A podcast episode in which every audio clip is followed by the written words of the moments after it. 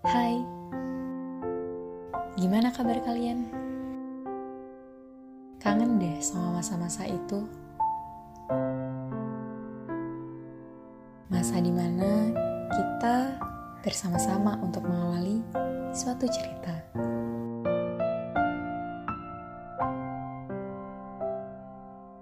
Cerita sedih, bahagia, bahkan sampai marahan. Bahkan nggak ngerti kenapa bisa masuk dalam lingkaran itu.